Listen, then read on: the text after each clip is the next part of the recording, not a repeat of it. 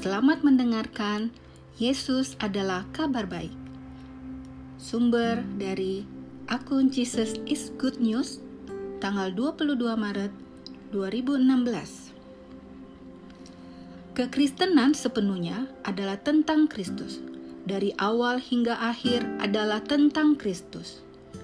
Kekristenan bukanlah agama, Agama berbicara tentang bagaimana Anda harus berusaha untuk hidup benar bagi Allah, tetapi kekristenan berbicara tentang bagaimana Kristus yang benar hidup bagi Anda.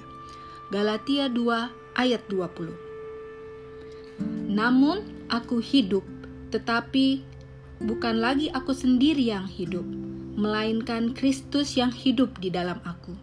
Dan hidupku yang ku hidupi sekarang di dalam daging adalah hidup oleh iman dalam anak Allah yang telah mengasihi aku dan menyerahkan dirinya untuk aku.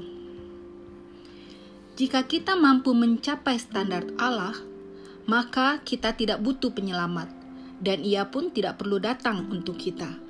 Tapi sejak 2000 tahun lalu, penyelamat itu telah datang. Maka hal tersebut menandakan ketidakberdayaan kita dan kebutuhan kita akan kehadirannya.